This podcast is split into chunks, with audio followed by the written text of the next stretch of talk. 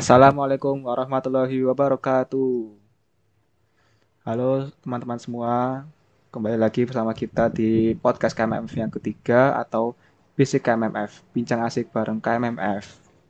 Nah, jadi teman-teman pada podcast kali ini kita ada tambahan satu teman untuk ngobrol baru nih, yaitu dari luar bidang jaringan, tapi dari internal KMMF juga. Monggo Mas Fauzan bisa memperkenalkan dirinya. Uh, baik, terima kasih Mas Rehan atas kesempatannya. Uh, perkenalkan namaku Fauzan, aku dari Budi atau Badan Usaha Dana Islami uh, KMMF UGM 1442 Hijriah. Aku dari Farmasi angkatan 2020. Oke, terima kasih Mas Fauzan sudah memperkenalkan dirinya. Nah, pada podcast ini juga kita ditemani sama Mas Bagas dan juga Mas Raka untuk bincang-bincang apa pun lah tentang kefarmasian. Nah, jadi pada podcast kali ini kita mau bincang-bincang tentang gimana sih pengalaman teman-teman semua ini tentang dua semester di farmasi yang sudah dilalui ini. Pertama nih bagi kita yang angkatan 2020, kita udah satu tahun berada di farmasi tapi masih online ya situasinya, belum offline, belum pernah merasakan offline sama sekali Nah, nanti kita ada sharing-sharing pengalaman sih gimana rasanya sudah satu tahun kuliah online di farmasi. Terus juga nanti kita ada tips-tips sukses untuk menjalani ujian menurut Islam ya, karena bentar lagi kita mau ada UAS. Nah, itu. Jadi itu beberapa bahasan kita pada podcast kali ini. Mungkin bisa langsung dimulai saja nih kita mau tanya ke masyarakat dulu nih gimana sih pengalamannya nih di farmasi udah dua semester? Alhamdulillah. Di pengalamanku ya sama dua semester di farmasi ini, uh, aku bersyukur sama senang sekali ya bisa ketemu banyak orang nih. Dulu sebenarnya aku merasa masih susah untuk berteman, tapi pada kenyataannya atau saat kita uh, jalani itu sebenarnya mudah uh, karena di farmasi, farmasi ini banyak hal yang bisa didapat sehingga memperkuat uh, pertemanan, silaturahmi, uh, ya seperti kelas yang sama terus hingga lulus besok. Hmm, terus juga ada organisasi, event, dan berbagai majelis yang dapat menyatukan kita semuanya. Terus uh, untuk pelajaran itu mungkin hanya berbeda ya online saja karena belum merasakan yang offline. Seperti kita jalani sama kita tahu sampai sekarang itu kan kita pakai Zoom dan itu kan natap terus itu membuat mata pedas ya dan semangatnya mungkin tidak sebaik pas saat offline. Uh, mata itu kan sangat dibutuhkan untuk dapat uh, ngikutin pembelajaran secara online ini.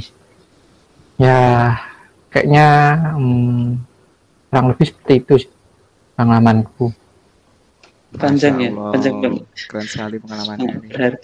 Dari yang introvert dari yang introvert jadi ekstrovert ini. Wih, akademik lancar ya? Akademik ya. Alhamdulillah. Lancar lah. Terpaksa gitu ya ngomong lancarnya gitu ya ya harus bersyukur mas. Semoga kita semua akademiknya lancar lah lancar dan sesuai dengan harapan kita masing-masing. Ya. amin. Nah terus nih mungkin aku sendiri ini mau sharing-sharing pengalamanku di farmasi selama dua semester ini. Jujur aku nggak bisa banyak cerita terutama tentang kuliahnya gimana? Karena ya masih offline gini, masih online gini kita cuman kuliah online gitu doang nggak ada seru-serunya gitu di di kelas gitu nggak ada pengalaman dengan dosen yang secara lebih seru gitu nggak ada. Tapi yang aku dapat di dua semester ini mungkin lebih ke gimana sih perubahan antara dari kehidupan SMA ke kehidupan kuliah gitu sih dan jujur itu sangat sangat berbeda sekali sangat-sangat wah gitulah dari yang mungkin masih anak sekolahan jadi lebih dewasa lagi di perkuliahan ini. Gitu sih dari saya. Mungkin lanjut ke Mas Fauzan nih Mas Fauzan nih teman baru kita nih. Gimana nih pengalamannya? Nah, ini mungkin aku cerita ya, tapi mungkin agak personal ya, nggak apa-apa ya, namanya pengalaman gitu ya guys. Oke oke, jadi dari awal banget tuh ya kan, aku tuh pertamanya semangat banget gitu pas mau kuliah gitu kan. Pas terimanya tuh udah excited banget gitu kan diterima bisa diterima di farmasi UGM gitu. Nah pas kuliah itu aku hari pertama semangat, dulu inget banget pas hari pertama kita tuh kan eh, ada BP sama KFD. Nah itu aku semangat banget. Nah ternyata pas KFD itu dosennya kan dulu Prof Dibyo. Nah itu aku aku kayak nggak bisa ngikuti gitu loh. Jadi kaget gitu pas pas KFD gitu. Jadi akhirnya sampai akhir aku nggak bisa tuh ngikuti yang namanya kimia sama dasar atau KFD itu. Nah. Jadi aku pas kuliah tuh jujur aja kuliah tuh sambil tiduran terus ya ujung-ujungnya apa? Ya ketiduran gitu. Terus praktikum kita kan juga online gitu ya. Jadi unik aja sih menurutku karena baru pertama kali ngerasain praktikum online tuh gimana. Nah cuman lihat-lihat video tok gitu loh. Jadi menurutku agak kurang gitu. Apa namanya praktikum kan kita harus praktek dan sebagainya gitu.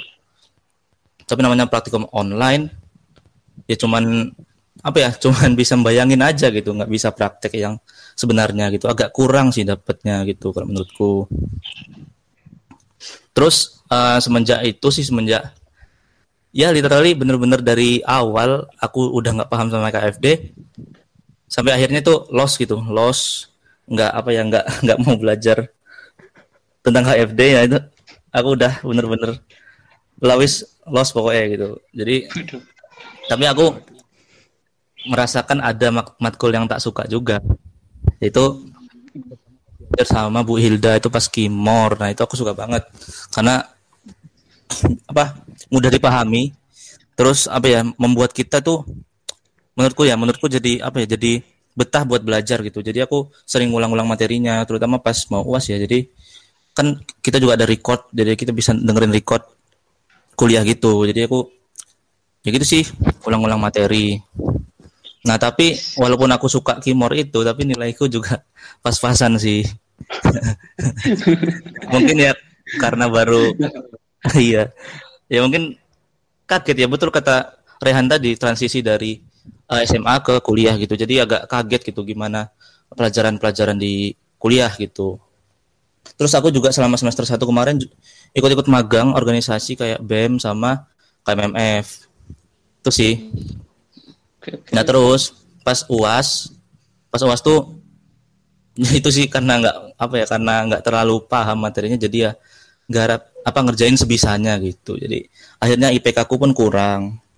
Nah terus gara-gara IPK kurang tuh aku semester 2 ini kan mulai-mulai oprek nih kayak organisasi kayak BEM sama kepanitiaan gitu. Nah gara-gara IPK ku yang sebelumnya tuh agak kurang jadi aku ragu gitu buat daftar daftar organisasi sama kepanitiaan.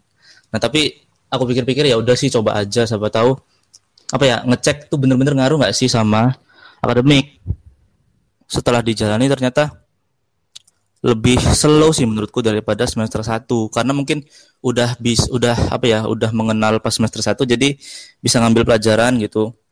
Bisa mengelolanya di semester 2 gitu kalau menurutku. Malah lebih dapat tugas yang berat-berat tuh di organisasi sama kepanitiaan gitu sih. Itu sih kalau dari aku sharing-sharing pengalamannya. Keren keren keren. Jadi tersebut banget. kayak aku ya. kaget ya. Aku sendiri sih salut nih sama Mas Fauzan Dar- ada rasa suka dengan kimor yang lain ada wah menghindari serius lu bisa ada Skip, rasa, skip. bisa ada rasa suka tuh udah keren banget sih menurutku. Sama. Aku 4 semester baru nemuin ini anak-anak suka kimor. aduh, aduh. keren keren Oke. Jadi kalau aku dulu itu ya kurang lebih sama sih sama kalian tuh. Aku pertama masuk inget jalannya semester awal itu pikirku kayak salah jurusan di farmasi itu salah jurusan. Karena kan aku dulu SMA itu kan eh, kayak basicku itu pokoknya seneng aku seneng hitung-hitungan gitu loh. Masalah IPA pokoknya yang apal-apalan aku skip gitu. ternyata habis masuk farmasi hafalan semua hitung-hitungannya dikit banget ya Allah apalagi yang anfisman lah terus mikrobio lah itu aku udah pasrah sama nilai-nilai akhirnya juga. Semester satu itu masih IPK masih IPK aku masih rendah banget. Dan mungkin pada saat itu uh, aku mulai berpikir dua kali nih mau melanjutkan ke farmasi atau enggak. Masih masih mau melanjutkan apa enggak itu tahun depan. Dan ternyata uh, saat semester saat itu kan aku juga ikut kayak ikut oprek akhirnya juga ketemu sama kating-kating yang menyemangati lah kayak semester satu itu belum relate banget sama farmasi. Mungkin nanti yang semester 3, semester 4 dan seterusnya itu relate banget sama farmasi itu. Dan selanjutnya yowes ya aku uh, ngejalanin aja. Dan akhirnya benar juga sih yang semester 3 itu udah mulai ya ciri khasnya farmasi yang obat-obat itu udah ada lah. Walaupun semester 2 itu udah ada farset ya yang buat-buat uh, buat apa namanya sediaan itu. Ya ya. Karena semester satu kan masih umum banget kan. Keren keren keren. Seru banget ya teman-teman pengalaman-pengalamannya nih. Kira-kira mungkin teman-teman yang mendengar podcast ini bisa juga nih sering sharing pengalamannya nih nanti di di mana pun di kolom chat mungkin kolom chat OA-nya KMFF mungkin. Mau sharing-sharing juga gimana nih? Udah dua semester di farmasi. Itu sih. Ya semoga apa yang sudah kita lalui di dua semester ini kita mendapat hikmahnya dan pelajarannya. Dan semoga di semester, semester berikutnya kita bisa menjadi lebih baik lagi. Amin amin amin amin. Amin. Amin. Selanjutnya kita mau memberikan sedikit tips-tips nih karena kan kita bentar lagi mau menjalani uas nih tanggal beberapa ya beberapa minggu lagi minggu depan ya kayaknya Oh, iya. iya beberapa hari lagi bos, oh, iya. nggak minggu beberapa minggu tapi beberapa hari lagi. Beberapa hari lagi ya. Kita mau puas, puasnya ya, gitulah. Puas kan menjadi puncaknya di semester gitu loh. Nah ini dari teman-teman nih. Mungkin aku mau tanya Mas Fauzan dulu nih yang pertama nih dari teman baru kita nih. Gimana sih kira-kira dari Mas Fauzan tips-tips untuk menjalani uas besok nih? atau persiapan apa saja nih Mas Fauzan? Persiapan kimornya mungkin. nah iya, jadi uh, kalau tips sukses ujian Islam sendiri itu yang pertama ada niat dan berpikir positif. Nah, nah di sini manusia itu kan bertindak karena ada dorongan dan pikiran. Jadi harus dibutuhkan pola pikir yang positif jika ingin mencapai sesuatu nih. Nah intinya kita tuh harus apa ya menanamkan pola pikir yang positif dan sukses gitu atau mindset ya namanya gitu sih. Selain itu kita juga harus fokus untuk menggapainya. Berpola pikir positif itu penting. Ini ini ngaruh banget sih kalau menurutku. Jadi kalau kita apa ya mikir sesuatu itu udah susah duluan, bakal ya bakal susah kita jalaninya gitu sih. Nah terus ya itu pola pikir ini nanti bisa mendorong kita untuk bertindak, nah, yakni mencari cara apa saja untuk mempelajari materi. Nah agar bisa berpikir positif, salah satunya dengan meminta kemudahan kepada Allah dengan berdoa kepada Allah. Bentuk-bentuk doa yang disyariatkan yaitu yang ini sih yang udah familiar sama kita. Ini aku bacakan ya guys. Rabbi syrah li sodri wa yassir li amri wa hlul 'uqdatam min lisani yafqahu qawli. Artinya yaitu ya Robku lapangkanlah untukku dadaku dan mudahkanlah untukku urusanku dan lepaskanlah kelakuan dari lidahku supaya mereka mengerti perkataanku. Nah, kalau dari aku gitu sih, guys. Kalau dari Mas Rehan sendiri gimana nih? Oke. Pastinya tuh kita harus minta restu orang tua karena kan itulah orang yang berbakti pada orang tua kan doanya kan akan lebih dikabulkan oleh Allah Subhanahu wa taala tuh. Apabila seorang anak mau melakukan atau menginginkan sesuatu kayak mencari ilmu, cari pekerjaan atau untuk mau memulai kegiatan positif lainnya tuh penting bagi kita tuh untuk meminta restu. Karena kan dengan meminta restu kepada orang tua tuh kita merupakan salah satu bentuk berbakti kita kepada orang tua. Dan yang lebih penting itu kita hidup kita menjadi lebih tenang dan tentram. Itu sih kalau dari aku. Jadi Kira-kira kalau Lemon tuh yang eh, waktu minta doa restu itu kapan? Apa sebelum kita kuliah? Oh, gimana nih biasanya? ah jujur ya kalau aku sendiri kayak minta doa orang tua tuh ya nggak setiap sebelum kuliah sih ya sebelum itu aja sih kayak sebelum ujian-ujian yang besar sih kayak uas gini karena aku ngapain juga kan kayak ke mama gitu oh nih minggu depan nih aku mau uas mah gitu. Lanjut nih. Tadi kan kita ada kayak tipsnya tuh minta minta doa restu minta doa ke orang tua juga. Kita ada tips doa juga nih dari Mas Fauzan untuk dimudahkan. Terus mau tanya ke masyarakat nih yang suka belajar nih gimana sih strategi untuk persiapan uas-uas besok? Strategi ya? Sebenarnya eh, strategi atau enggak itu dari diri kita sendiri nih. Apalagi di dunia serba digital ini kita kan dapat mencari berbagai hal dengan mudah. Masuk hal-hal yang mendukung untuk belajar perkuliahan ini. Ya gitu sih. Oke keren. Sangat Tapi sebelum sebelum uas nih Raka strateginya belajarnya belajar kelompok apa belajar sendiri? Ambis nih sampai subuh atau setiap detik setiap Sama menit oh masyarakat tuh megang HP gitu nggak file materi. Ciri khasnya tuh selalu buka HP belajar ya. Eh, keren keren. ini Raka itu tipenya tipe belajar sendiri ya. ya insya Allah bisa sendiri bisa bersama tapi sukanya sih sendiri Gak apa-apa. Tapi emang beberapa orang tuh butuh belajar sendiri kayak lebih fokus gitu ya. Kalau sama temen nanti kan malah bahas yang lainnya gitu. Nggak jadi belajar. Dari kelas apa mas? Bahas apa ayo? Bahas bola. Malah pub, Euro, lagi Euro. Bahas Oh iya Euro ya. malah malah PUBG ya. Kan pro, pro player PUBG ya Raka. ML juga Mobile Legends. ya. Oh, oh ML juga. Dia Kayak semua e-sport bisa Raka itu. jago. Berlebihan nih, berlebihan nih. Multi talent masyarakat. Di organisasi rajin, gamer, agak pinter juga nih. Wah. Banyak. Talent sekali. Mungkin aku mau lanjut nih ke Mas Bagas nih. Sudah pengalamannya mungkin lebih banyak dari kita-kita nih. Kalau aku yang paling penting tuh berdoa sih. Karena kita berusaha tanpa berdoa itu kan termasuk orang-orang sombong kan.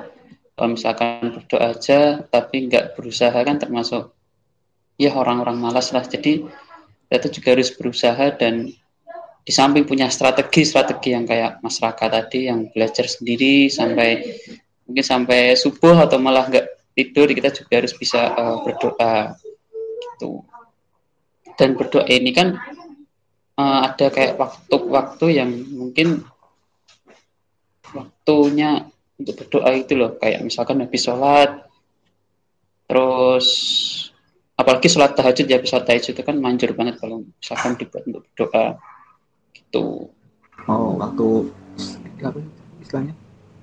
Diijabahnya doa ya. Nah, dijabahnya doa gitu terus ya sebelum eh, kita juga eh, bisa untuk baca Bismillah dulu sebelum mulai ujian karena kan kalau misalnya kita em, memulai kegiatan dengan menyebut nama itu kan akan membawa berkah juga dan eh, bisa mendapatkan bantuan. Ini udah doa di waktu apa saja nih biasanya nih? Waktu ijabah favoritnya nih kira-kira. Aduh.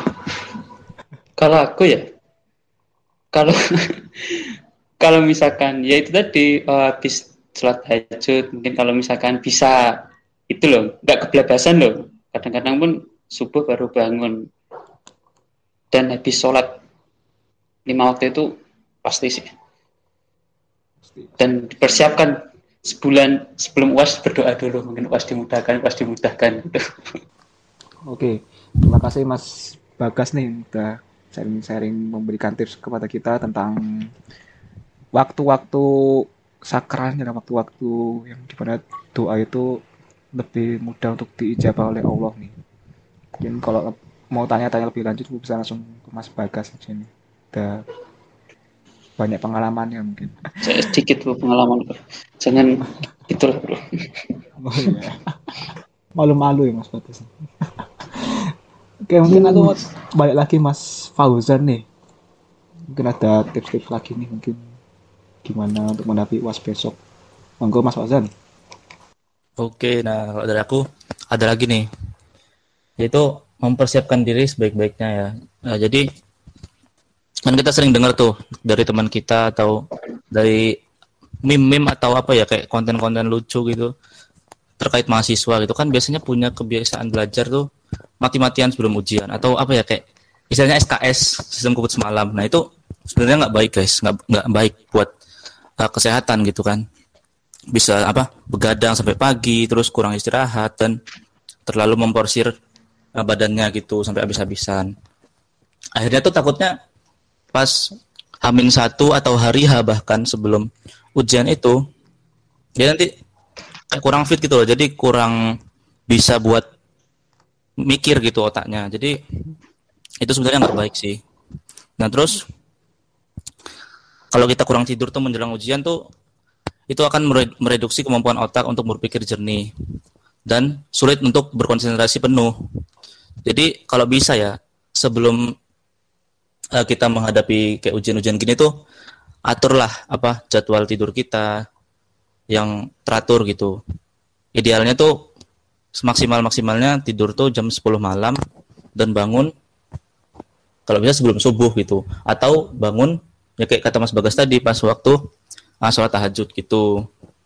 Kalau dari aku sendiri sih pengalamanku kalau pas uas gitu aku tidurnya jam 11 atau jam 10 gitu nanti apa kalau apa kalau ada materi yang belum paham juga Wong udah namanya udah ngantuk ya ya aku tidur aja gitu kalau nggak paham ya daripada besok apa ya kurang fit jadi susah mikir kan ya mending tidur aja gitu jadi apa ya walaupun ada materi yang belum paham besoknya kan otakku otakku seger bisa buat misalnya nggak paham banget nih sama materinya bisa buat apa namanya bisa buat mikir-mikir gitu logikanya gimana sih gitu. Jadi kayak disambung-sambungkan gitu. Bisa masih bisa buat mikir gitu sih.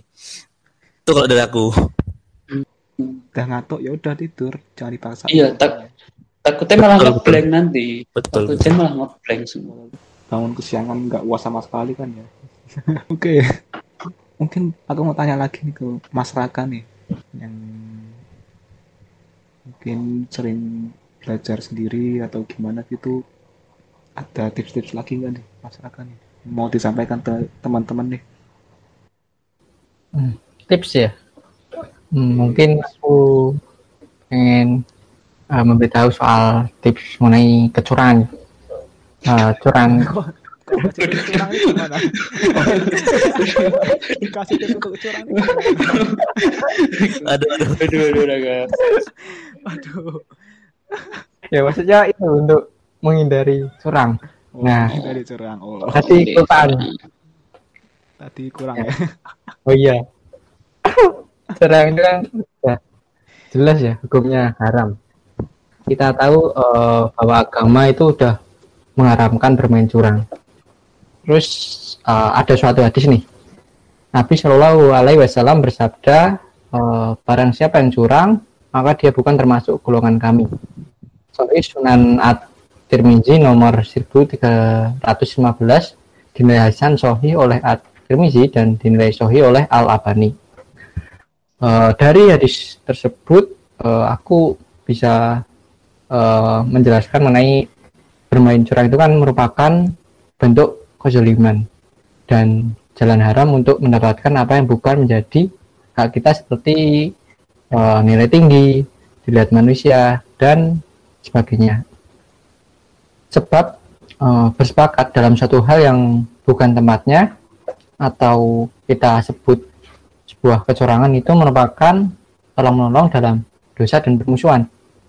Uh, kita harus tahan diri dari perkara haram.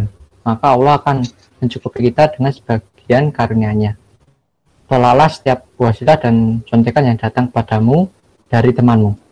Barang siapa yang meninggalkan suatu karena Allah, maka Allah akan menghentinya dengan yang lebih baik dari itu. Nah, waktu yang dihabiskan untuk menyiapkan kecoran yang haram ini itu alangkah baiknya digunakan untuk mengulang pelajaran dan berlatih mengerjakan soal-soal tempo dulu serta tolong menolong dalam berbagi pemahaman sebelum ujian. Tentu hal ini pasti uh, akan bermanfaat lebih baik dan lebih kokoh daripada bersepakat dalam hal yang haram.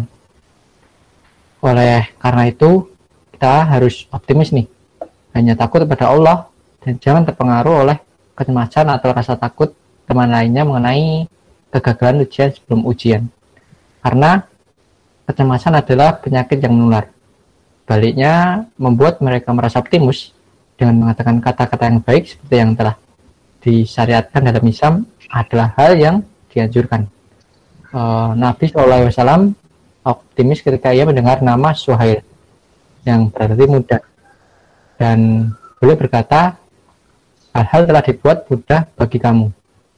Beliau dulu juga suka mendengar kata-kata ya Rosid ketika ia pergi keluar untuk tujuan apa pun. Jadi optimis bahwa kita dan saudara-saudara akan lulus ujian. Mengingat Allah dengan dikir dapat menghilangkan kecemasan dan ketegangan. Jika ada sesuatu yang terlalu sulit, berdoalah kepada Allah agar diberi kemudahan. Ya. Masya Allah. Masya Allah. Ternyata baik ya maksudnya. Tadi kan kita kira tuh mau ngasih tips curang gimana dalam keren keren keren. Keren kayak intinya tuh kita harus percaya diri ya sama kita sendiri. Kita harus percaya juga kalau pertolongan yang terbaik itu hanya dari Allah gitu. Jangan kita tuh jangan merasa wah aku nggak bisa uang sini terus curang cara-cara yang haram itu jangan ya teman-teman semuanya tenang aja tenang kalem santuy ya itu kayak Mas Fauzan tidur aja udah. Tidur. Tidur aja. Yang, yang penting betul, tuh betul, betul. yang penting datang kerjakan lupakan lah. Oh, iya. ya jangan lupakan. Lah. Oh, iya. oke oke. Tapi tapi soalnya dilupakan ya. Oh ya soalnya dilupakan. Kenangan-kenangan buruknya ketegangan saat mengajukan was itu dilupakan ilmunya diamalkan ke masyarakat keren keren curang itu haram ya curang itu haram ya mungkin jadi aku mau sedikit menyimpulkan nih dari dari tips-tips yang sudah dari saya dan juga teman-teman di sini sampaikan nih. Jadi yang terpenting itu yang berperan besar untuk dalam terutama dalam keberhasilan ujian besok itu diri kita sendiri itu jadi hal-hal yang perlu untuk dikerjakan demi sukses dalam ujian adalah dengan bekerja keras tentunya. Cara sukses menghadapi ujian pun tentunya ditunjang dengan bersungguh-sungguh dan juga pantang menyerah serta tawakal kita iman kita pada Allah SWT serta menentukan target target nih agar kita bisa memperkirakan tingkat keberhasilan dari kita. Selain itu kan kita kalau bisa punya target gitu, target nilai ini kita jadi punya motivasi lah terdorong untuk mencapai target itu. Terus juga kita terus bisa menghindari sifat-sifat malas dan kurang sungguh-sungguh dalam mengerjakan ujian besok. Dan tentunya jangan lupa berdoa kepada Allah agar hasil yang didapat lebih maksimal. Oke, aku menambahkan ya kan tadi udah ada beberapa tips-tips yang mungkin penting banget nih yang bisa diamalkan sebelum ujian maupun yang saat ujian pun yang uh, curang itu haram itu.